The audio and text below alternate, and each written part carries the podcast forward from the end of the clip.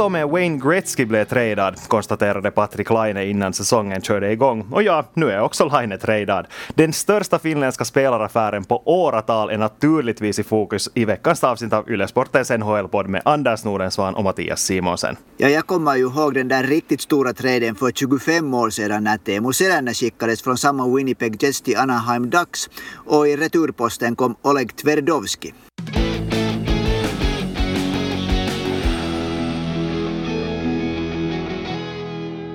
Ja, Patrik Laine är nu en Columbus Blue Jackets-spelare och det här är något som har väckt väldigt stora känslor, inte minst hos alla er som lyssnar på den här podden. Vi har fått in massvis med frågor om den här traden och för att kunna svara på alla så tar vi itu med de här direkt.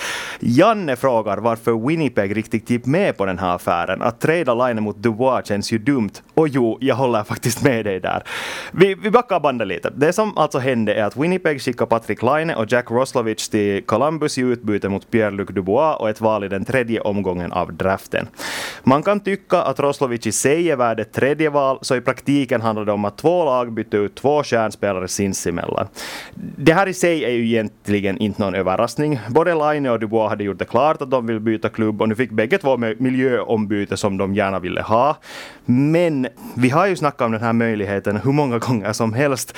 Och i mina ögon har problemet alltid varit att den här affären inte är logisk ur Winnipegs perspektiv. Jo, de ville bli av med Laine av den enkla anledningen att de inte har råd med honom efter att hans nuvarande kontrakt löper ut. Och jo, nu får de in en center som har kärnstatus. För det ska vi minnas, hur omotiverad Dubois än såg ut i de här första matcherna han har spelat för Columbus den här säsongen, så var han deras poängetta i fjol. Han var en av deras viktigaste spelare i slutspelet.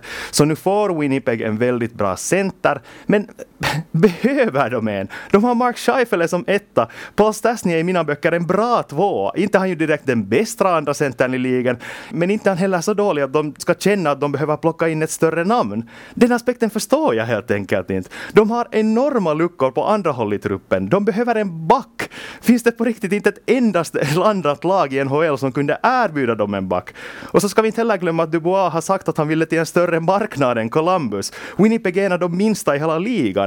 Så nej, nej, jag kan inte ge ett vettigt svar på den här frågan. Kan du Anders? No, om vi går tillbaks så det är ju alltid pengar det sista slutligen tycks hänga på NHL. Så det är ju egentligen de här förhandlingarna, kontraktförhandlingarna sommaren 2019 som är kärnan här. För då lyckades inte Winnipeg Jets GM Kevin Cheveldayoff binda Line till ett långt kontrakt utan det blev ett så kallat brokontrakt på två år och då rent så konstaterar man att hey, det här håller inte nu, att, att det här kommer att bli problem. Och när det, det, det som jag personligen inte förstår, som jag tycker att det är dumt, att de här general managers i NHL har otroligt svårt att leva i stunden och göra saker här och nu. Utan jag vet inte om de skyddar sig själva eller vad det är frågan för att inte få burnout. Men de är alltid liksom tänker fem år framåt. Vad händer då, då, då? Och det verkar som det skulle ha blivit liksom helt enkelt en sån här tvångstanke för Cheveldayoff att när, när han inte fick eh, äh, linet till ett långt kontrakt så nu måste man, nu måste man få, nu måste han bort, nu måste han bort för det finns inte pengar att enligt teorierna då att skriva ett kontrakt med ett nytt kontrakt som Laine skulle vara nöjd med när hans kontrakt nu går ut efter, tvååriga kontrakt nu går ut efter den här säsongen. Så där är den här som jag tror att är nyckeln till allting, att Cheveldayoff kom inte ifrån från det. Och okej, okay, Personligen så tycker jag som Winnipeg Suns NHL-kolumnist Paul Friesen som, som skrev här efter den här träden när han skrev om Laine så skrev han att Laine har helt unika egenskaper. Han är en matchvinnare, han är hård mot sig själv på ett sätt som ingen annan egentligen i det här laget är. Han är jättemissnöjd om han inte spelar bra och så har han ett skott som ingen annan. Så Friesens slutsats var att do whatever it takes. Gör vad som krävs för att hålla honom i organisationen. Och jag skriver under det här, man, man bara inte gör sig av med sådana unika talanger när det gäller att få pucken i mål och offensiva liksom virvelvindar som, som Patrik Laine. Så jag tycker precis som Janne som skickade in frågan, det låter dumt. ja, på något sätt kan man ju sammanfatta det här ur Winnipegs perspektiv som att de tvingades välja mellan Blake Wheeler och Patrick Laine. För de hade en, en ytter nu i truppen som får den lön som Patrik Laine förtjänar att få. Och då valde de att behålla sin lagkapten, de valde att behålla den här, eh, det här radarparet i deras första center, Mark Scheifele. För det, det, det samspelet har ju fungerat. Blake Wheeler och Mark Scheifele har spelat väldigt, väldigt bra tillsammans. Men Wheeler är gammal. Han har inte värst många år kvar på toppen längre. Patrik Laine har i princip hela karriären framför sig. Så den här prioriteringen har jag jätte, jätte, jättesvårt att köpa, hur bra Dubois än är. För eh, nu kan man ju se det positivt ur deras perspektiv också. För om man tittar på lag som har klarat sig bra i NHL så här ur ett historiskt perspektiv så brukar det ju vara lag som är väldigt, väldigt bra på, eller starka på centerpositionen. Och det kommer Winnipeg att vara nu, kanske starkare än något annat lag i ligan. Deras centra just nu, Mark Scheifele, Paul Stastny, Adam Lowry och Pierre-Luc Dubois. Det, det finns kanske inte ett enda andra lag som kan matcha den här bredden. Och det är ju förstås positivt. Men om man ser långsiktigt på det här så har jag verkligen svårt att köpa vad de tänkte på. För ja, okej, okay, Dubois pappa finns i organisationen, han är tränare för deras AHL-lag och det kanske finns någonting där som får honom att vilja stanna. Men han uttryckte ju att han inte äh, trivdes i Columbus för att det var ett för litet lag för honom och jag tror fortfarande inte på att Winnipeg är ett större alternativ. Så vad får Chevaldejev att tro att de kan övertala honom att stanna där? Det är det som jag på något sätt har så jätte, jättesvårt att köpa för vi har inte fått ett svar på den frågan. Det har inte kommit fram som det i vissa fall kommer efter så stora träd så kommer det ju fram dagar efter att spelaren har redan har tecknat på ett kontrakt, en förlängning som håller honom kvar där längre och då, och då tänker man ju ah, okej okay, okej, men då förstår jag. Men det har inte kommit några som helst sådana signaler just nu. Ja, vi ännu gräver lite i det där, så jag tror du, när du nämnde det här äh, Scheifele och Blake Wheeler, så här är helt tydligt någonting. Det har ju kommit sippra ut nu information. Man har på något sätt kunnat se det helt genom att titta på kroppsspråket. Där har det inte funkat. Wheeler och Scheifele har inte helt enkelt gillat Patrik Laine som person. Det, det där som spelare så tror jag det är ganska svårt att inte gilla honom när han har gjort mest mål av alla Winnipeg-spelare under de fyra senaste säsongerna, inkluderande Scheifele och Wheeler. Så men det har varit någonting som har, skon har klämt där. Jag vet inte om de har på något sätt, om Laine helt enkelt kanske inte har, har gått med på att ta den rollen när han kom till laget som att vara, stå, vara en springpojke och vara liksom... Äh, han är på ett sätt kaxig, men han är nog en... Jag tror nog att han är en bra lagkompis, men man kan inte liksom fordra att han ska buga eller något sånt här. Och jag har på något sätt för mig att, att Wheeler och Scheifele ville på något sätt sätta honom på plats i början och Laine kanske inte gick med på att bli satt på plats. Och jag tror att det har, det har funnits där med hela tiden. De har inte gillat honom. Wheeler har, har, har medgav att han inte har riktigt, kommunikationen inte har funkat. Och Scheifele ville inte ha Laine som sin ytter. Jag tror att Scheifele själv ville göra, göra äh, målen i den kedjan. Visserligen så gjorde ju Connor en stor del av, av målen bredvid honom. Men jag har för mig att det här är en duo som har jätteömma tår och de har ett hemskt starkt förhållande med coachen Paul Morris. jag skulle säga att här är en sån här triangel som, som också spelar starkt in. Mm, no, och helt som du säger, det finns, ju, det finns ju till och med bevis på att Patrik Laine är en väldigt omtyckt lagkamrat. De har ju blivit bästa vänner med Nikolaj Ehlers. Det kanske mest hjärtekrossande med den här tränaren var att se Ehlers ladda upp bilder på dem tillsammans på Instagram och, och skriva att han alltid kommer att älska honom. Ja, alltså hur man än vänder och vrider på det så, så känns det väldigt märkligt ur, ur Winnipegs perspektiv. Och samtidigt ska vi kanske understryka att ur Columbus perspektiv var det här ju en fantastisk lösning. Just i och med att Jarmo Kekäläinen i princip var tvungen att sälja Pierre Dubois redan nu för att den här situationen som uppstod där i Columbus där han inte ville spela, blev bänkad av tränaren John Tortorella. Den här situationen höll på att eskalera snabbt så han ville få bort honom i rask takt och så får han in Patrik Laine så är det ännu skäl att komma ihåg det här. Att Laine sa aldrig själv med egen mun att han vill bort från Winnipeg. Det var hans, han, han, han nekade inte när någon sa att är det så att du vill bort från Winnipeg så nekade han inte att det skulle kunna vara ett alternativ men han kom inte fram med att han inte är nöjd och han lät ta med 17 spelet visar en hur han karl han är på isen i motsats till vad Pierre-Luc Dubois gjorde här precis före traden. Så det, det är det där, okej okay, vi har säkert både du och jag har lite blåvita glasögon här men Line är nog en unik spelare och det tror jag att många kommer att förstå ännu. Vi ska komma ihåg han är nu 22 år gammal. Han hann göra 140 mål för Winnipeg Jets. Teemu Selänne kom till Winnipeg som 22-åring. Han hann göra 143 mål för Winnipeg Jets. Han spelade visserligen 70 matcher färre än, än Laine men han var också betydligt mer mogen när han kom in dit. Det är därför jag säger de här målmängderna för man ska ta i perspektiv en hurran talang, en hurran målskytt Patrik Laine. Vi, historien kommer att visa ännu tror jag att Winnipeg Jets kommer att gråta blodiga tårar efter Patrik Laine.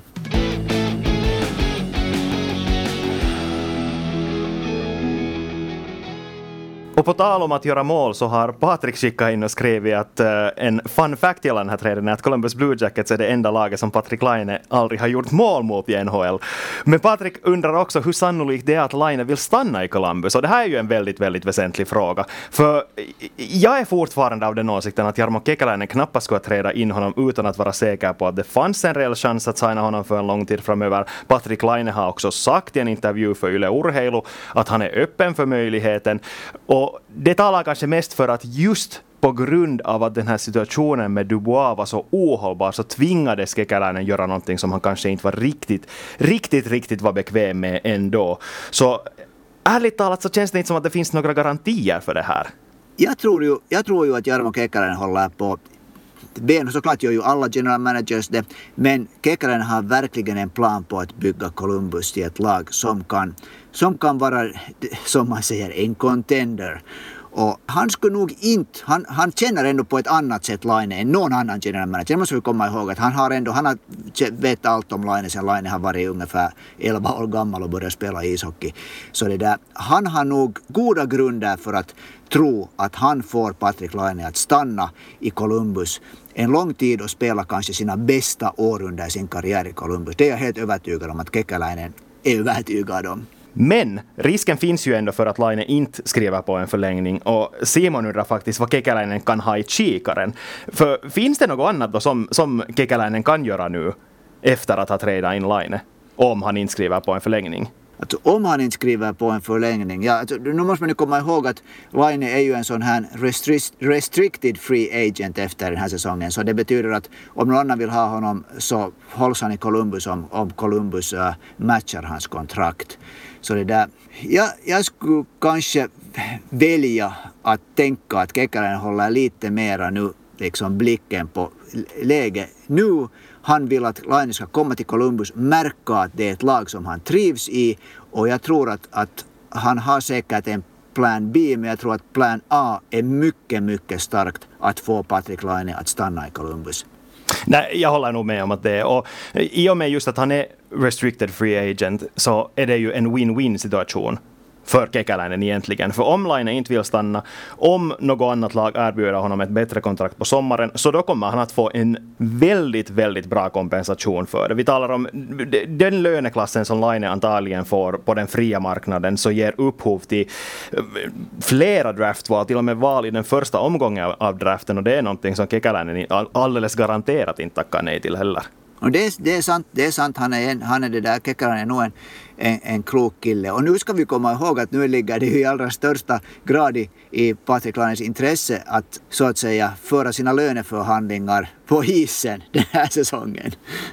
Men Patrik undrar också vad det här innebär för Winnipeg. Nu har de, som vi redan konstaterat, två av ligans bästa centrar. Hur långt kommer det här att bära?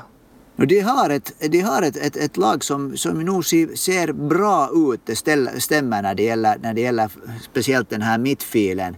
Så det som fattas där och som, som nu har blivit ganska tydligt är att, att Winnipegs eh, backtrupp inte riktigt håller måttet. Så det, borde, det, där, det är på något sätt så svårt att se förbi det där att det vad de behövde var en back. De hade en ganska bra centrar sen tidigare, egentligen jättebra centrar och så tog de in en center. Och nu har de då i princip två första centrar. Då inte vet jag om Pierre-Luc Dubois är nöjd med att vara andra center. Om han, är där, han var missnöjd i Columbus. Jag tror att han ser sig själv som en första center i ett lag som tävlar om Stanley Cup eller alternativt som en första center i Montreal Canadiens eftersom han är hemma från, från de knutarna. Jag tycker det är ett jättestort frågetecken. Visserligen en mycket starkt center mittfält nu och det kan, det kan bära långt. Mm. Och den kanadensiska divisionen har ju visat sig vara ungefär så vidöppen som vi förväntade oss att den skulle vara. Och Winnipeg har varit ungefär så starka som vi kanske också lite förväntade oss att de skulle vara. Så det är kanske det att just den här säsongen tror jag inte att det här påverkar deras chanser varken positivt eller negativt, för jag tror att en Dubois som faktiskt vill spela är lika viktig för ett lag som Patrik Laine kan vara. De kan båda göra mål och just i och med att han är center så skapar han i princip en helt ny kedja runt sig på ett annat, helt annat sätt än vad en ytter kan göra. Så visst, det kan, det kan vara väldigt värdefullt för dem den här säsongen, men grundtanken här är väl ändå att försöka tänka lite längre, att försöka tänka också på fem år framåt, som, fast du kanske inte tycker att klubbcheferna ska göra det. Och i det här fallet blir det kanske svårt för Winnipeg. Och så ska vi komma ihåg ännu om man tänker framåt att det där äh, som ju kom fram med tidigare nämna Teemu Selänne mycket starkt. Teemu Selänne var ju både i Winnipeg och han var i Anaheim. Han var klubbens ansikte utåt. Han var, man säljer ganska mycket annat också än det där matchbiljetter med en sån kille. Och faktum var att Patrik Laine på ett helt annat sätt såklart än Teemu Selänne. Men han var nog också en jättestark sån här marknadsföringspjäs för Winnipeg Jets. Han, hade, han har ju ett sätt som är ganska, det är ju liksom, han är en kul kille helt enkelt och talar en hemskt bra engelska, mycket bättre än vad Teemu Selänne någonsin har lärt sig. Och, och liksom bjuder på sig. Alla journalister älskar ju honom, de flesta fans tycker om honom.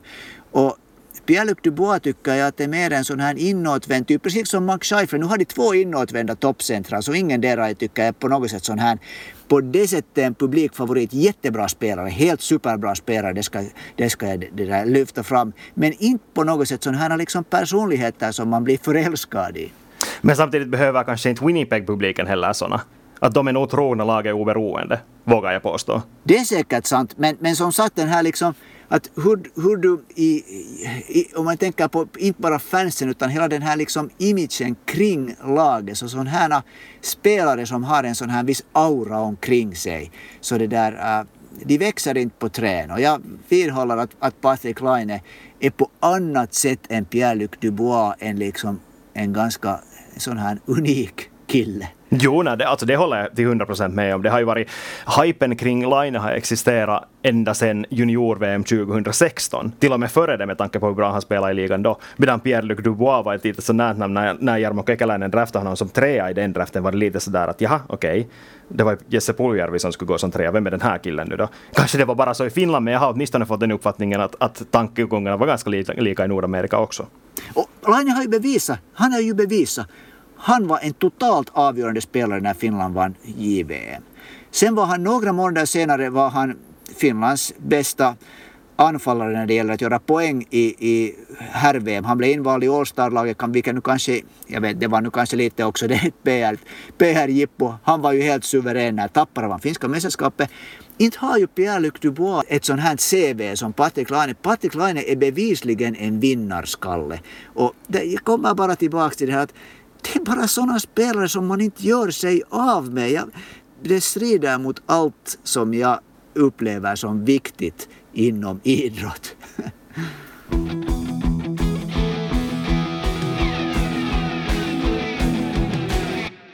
Men på tal om centrar så måste vi också ta upp centersituationen i Columbus just nu. Dubois borde ha varit deras första center, nu är han borta. Patrik Laine kom in, han är ytter. Och Johan skriver och frågar vem som är tillgänglig. Vem kunde de plocka in? Och Packis undrar vem de ska sälja för att få in en bra center. Så nu tycker jag att vi ska spekulera lite Anders. För dra fram spåkulan och berätta vem Columbus kommer att värva som första center eller andra center. Ett så stort tack till våra lyssnare, de har antennerna upp. Det här var nämligen en helt fantastisk fråga. För det är ju, det är ju verkligen en godbit att tänka. Just det att om de inte är nöjda med, med Max Domi och Alexander Trexier och Riley Nash och Mikko Koivu och möjligen då Jack Rossovic kan spela center. Så vem skulle de kunna ta in för att vara den där första centern? Vem skulle man kunna äh, tänka sig att, att funkar ihop med Patrik Laine? Och det är ju det är svårt. Vem, äh, Eh, grubbla över det här och så går ju nog tankarna för mig till lag i Kalifornien som inte har, har sådär hemskt mycket för tillfället på gång eller lag som håller på kanske så småningom att bygga upp. Och då det där, jag tänker inte nämna Rojan Getzlaff, jag sa hans namn men det kan du sudda. Jag tänker på kanske en kille eh, som man, som, eller två namn. Jag tar först det som jag inte riktigt tror på och det är Antse Kopitar som är 33 år gammal som Los Angeles Kings har, eh, man har spekulerat om att de kanske skulle vara villiga att träda bort honom för att de håller, har många, många unga talanger, de har centertalanger, de håller på att bygga upp ett nytt lag. Men han är ju inte heller det där en, kanske mera en, en, långvarig, en långvarig lösning. Han är i och för sig en lösning som skulle kunna funka riktigt bra i ett par år ännu. Men Los Angeles har bra målvakter. Så därför kanske det inte, inte så det där ett, ett alternativ. Och där kom nyckelorden målvakter. Sen finns det ett annat lag som heter San Jose Sharks som har grymt svag målvaktsduo. Enligt många den sämsta i NHL. Det finns andra som tycker att Edmonton Oilers har den. Men de har en sån här lite, tycker jag, doldis-center som heter Thomas Hertl som är från Tjeckien, 27 år gammal, som säsongen 2018-2019 på 77 matcher gjorde 35 mål, gav 39 assist, fick alltså 74 poäng. Eh, säsongen efter det, förra säsongen som blev avbruten, gjorde han på 48 matcher 36 poäng. Och den här matchen som nu är inledd så har han på sex matcher producerat 7 poäng. Han är ännu en center som är i sina bästa år kanske i, i, i tre, fyra säsonger framåt inte ett stort namn på det sättet i NHL och kanske en spelare som man inte har följt med hemskt mycket i Finland.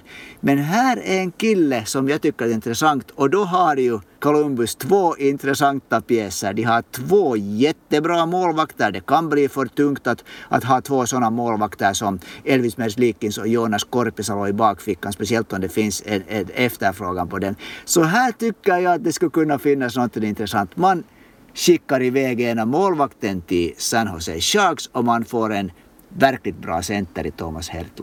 Vad låter det här galet? Uh, Nej, inte alls. För din logik är faktiskt exakt detsamma som min. Uh, Bingo! Inte, nej, alltså, ska vi säga så att bakgrunds, din bakgrundstanke är rätt men din slutsats är fel. För jag tror inte att det är San Jose som i så fall skulle vara aktuellt. Uh, även om, alltså Hertel är ett bra alternativ tror jag, men jag tror också att, att de skulle vara tvungna, alltså att Columbus skulle vara tvungna att slänga in no, minst några draftval för att San Jose skulle vara intresserade i och med att Hertel mm. är en vi, väldigt viktig del av det där laget. Han är en nyckelpjäs för San Jose Sharks i detta nu.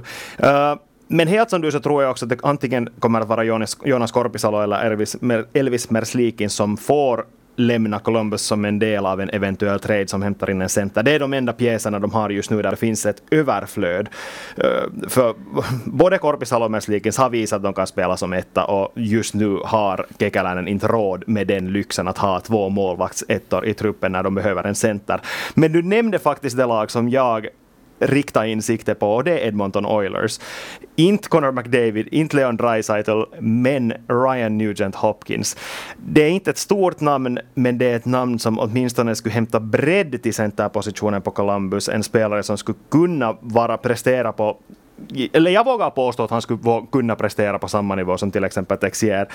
Jag tror att Max Domi kommer att vara första center. Jag tror att Patrik Laine kan få spela med honom. Mikko Koivu kan få en större roll nu i och med det här än vad vi kanske hade väntat oss att han skulle få, vilket ju förstås är kul för, för oss finländare. Men jag tror ändå att Nugent Hopkins skulle kunna vara en pjäs som hämtar något i det laget. Håller du med? No, det där, jag, jag håller nog fast vid den här kaliforniska, kaliforniska den där lösningen. Och jag skulle ännu vilja säga att det, det vet vi alla att då när inte det funkar så är den klart överlägset viktigaste spelaren i ett lag är en målvakt. Och sen har sig Sharks har haft jättestora problem att få en målvakt som kan hålla tätt.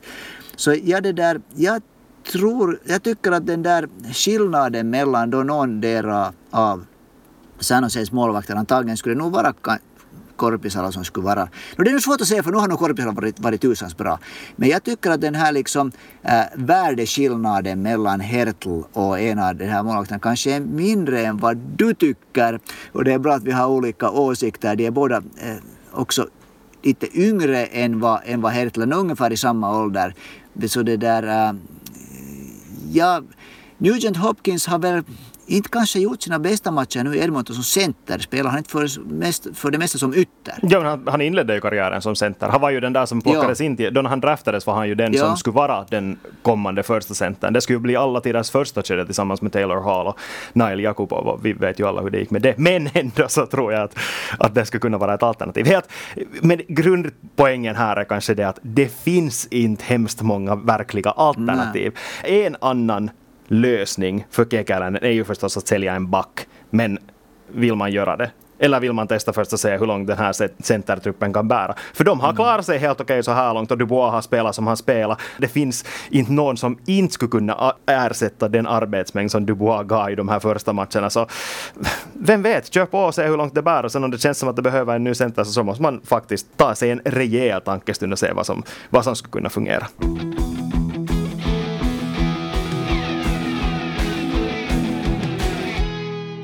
Ja, vi har ju dragit paralleller till traden som förde Teemu Selänne från Winnipeg till Anaheim hela det här poddavsnittet. Och Jonas undrar faktiskt om Laine nu kan göra som Teemu Selänne och bli en klubbikon i Columbus på samma sätt som Selänne blev i Anaheim.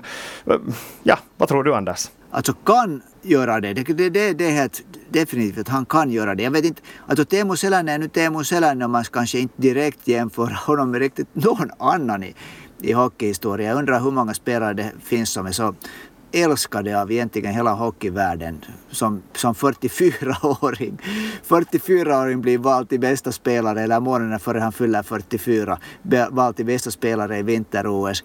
Men Laine har alla förutsättningar att bli en ikon och en symbol för, för det där Columbus Blue Jackets om han börjar sätta puckar i mål.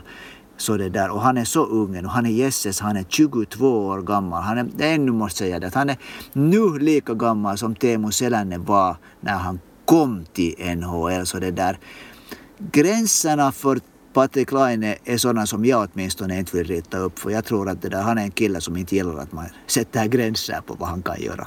Jag håller med att han har alla möjligheter att göra det, men situationen är ändå lite annorlunda. Uh, Anaheim Mighty Ducks var ett helt nytt lag i princip när Teemu Selänne kom dit. Han var den första stora stjärnan, eller tillsammans med Paul Caraya var de de första stora stjärnorna. De första som lyfte upp klubben till något stort. Medan Columbus redan haft en ikon. Och nu tänker jag framförallt på Rick Nash. Att de har en, det finns redan spelare som har funnits där från första början som var de där första stora stjärnorna. Och det är kanske en sån, en sån status som spelare som kommer senare har svårt att uppnå förutom om man heter Alexander Ovechkin till exempel. Och det, det är liksom på den nivån vi snackar nu och det kräver väldigt mycket av Line och det kräver också för det första det att han väljer att stanna där men chansen finns absolut. Ja, Nash var ju på det sättet det där han var ju inte heller den här killen som riktigt tar sin publik på det sättet. Om man jämför just med, med det där Selänne så han var ju inte en sån här kille som på det sättet blev allmänt älskad. Han var en jättebra spelare, en verkligt bra spelare. Eh, och en ohyggligt tuff målskytt. Han, han vann väl också Rocket Richard ett år i, i Columbus Blue Jackets. Medan jag tycker att Laine har den här han har på något sätt över sig det här att han kan ta sin publik också utanför isen. Så därför kan jag nog tänka mig att det finns när det gäller liksom just den här PR-sidan, marknadsföringssidan, så tycker jag att det kanske finns mer att bygga på när det gäller Line än, än, än Rick Nash. Det här är nog att kverulera, men jag, jag, jag tycker nu så här. Men, så, men, men det där Selänne och Selännes, Selännes liksom smil är nog någonting som det där inte så hemskt många andra i NHL har haft. Nej, och vet du vad Selänne gjorde i Anaheim? Shoot. Han spelade en nyckelroll i det lag som tog hem lagets första Stanley Cup. Så om ja. Patrik Laine lyckas göra det så kommer han absolut att nå samma kultstatus. Och, och, speciellt om man tänker hur gammal Teemu Selänne var. Att han ännu, då hade han kommit, han var egentligen inne då på sin tredje karriär efter alla sina skador. Den första karriären skulle ju ta slut egentligen. Winnipeg Jets tradade ju honom 1996 för att de trodde att hans knä var i sånt skick att han inte skulle spela mer än ett par år. Jag undrar vad det är läkarna han funderade, funderade när han vann Stanley Cup och när han briljerade i, i alla olika OS-turneringar. Jag undrar vad de har funderat. Och där är det kanske passligt att sätta punkt för det här specialavsnittet får vi väl kalla det av Ylesportens NHL-podd. Om du har en fråga eller ett förslag på ett samtalsämne som du vill att vi ska ta upp här i podden så är det bara att hålla ett öga på Ylesportens Instagramkonto eller så kan du förstås mejla till svenskasporten.yle.fi så hittar vi din fråga där. Tack ska ni ha! Tack och hej!